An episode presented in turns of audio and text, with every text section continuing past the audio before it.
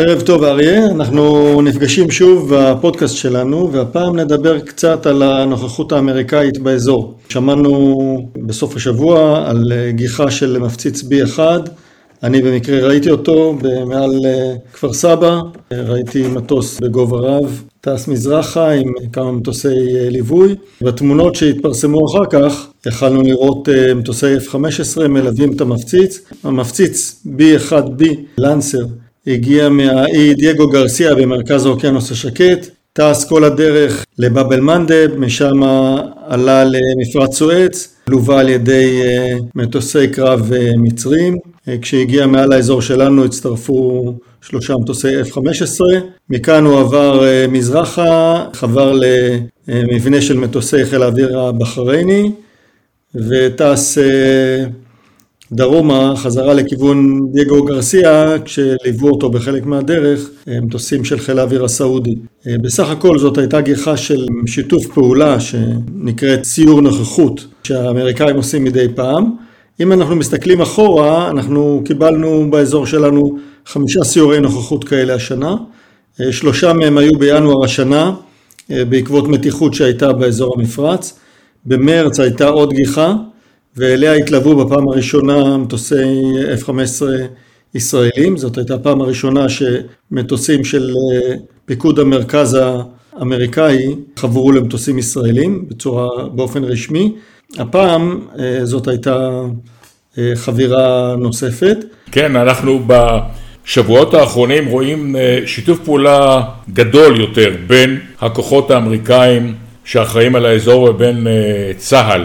לפני כמה שבועות אה, ביקר בישראל מפקד הצי החמישי של אה, חיל הים האמריקאי, תת אדמירל ברד קופר. הוא נפגש פה כמובן עם שר הביטחון בני גנץ, עם אה, הרמטכ"ל, עם מפקד חיל הים.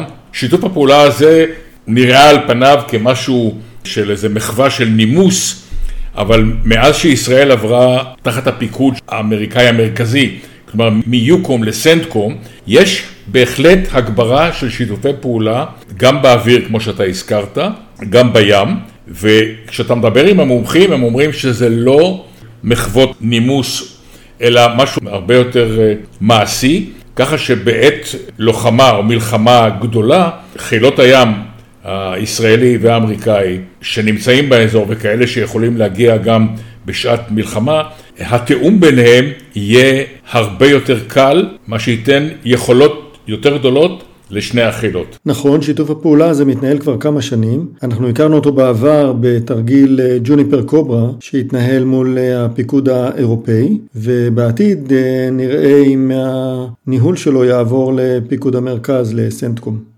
בסך הכל ארצות הברית, כפי שהזכרנו כמה פעמים בפודקאסט, עוזבת את האזור שלנו. אנחנו שומעים על אה, פינוי דורג מעיראק, יש עדיין מאחז קטן דרום סוריה שהותקף לא מזמן. אם באמת הכוחות האמריקאים או מרביתם יפונו מעיראק, הנוכחות הימית והאווירית תהיה הנוכחות היחידה שתהיה משמעותית כאן במזרח התיכון, וגם לשיתוף הפעולה בנושא הגנה אווירית, ובמיוחד הגנה מפני טילים, תהיה משמעות מיוחדת גם לישראל בתוך ההרכב הביטחוני באזור, וגם השיתוף פעולה האמריקאי-ישראלי לטובת העניין הזה. כן, ואם אה, מזכירים כבר את שיתוף הפעולה הימי, אז לפני כמה ימים שתי שולות מוקשים של הצי החמישי של הצי האמריקאי נכנסו לים האדום. מדובר בספינה שנקראת גלדיאטור, השנייה נקראת אה, סנטרי, והם עברו את מיצר באבל מנדב ב-18 באוקטובר, נכנסו לים האדום. הפעולה הזאת היא משמעותית, היות והמורדים ההותים משתמשים באזור הזה, גם באזור הזה, במוקשים ימיים שהאיראנים מספקים להם.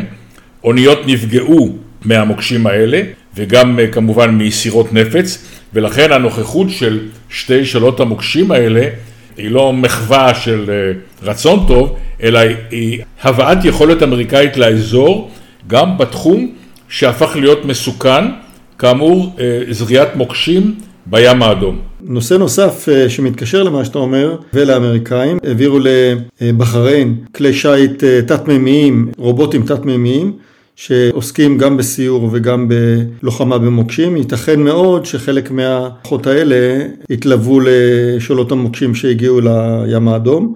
אנחנו נמשיך לעקוב אחרי הנושאים האלה ולראות איך הם מתקשרים עם ישראל ועם האינטרסים שלנו ועם הנושאים שמעניינים אותנו ואת המאזינים. אז תודה רבה אריה ונתראה בפודקאסט הקרוב. תודה תמיר, להתראות.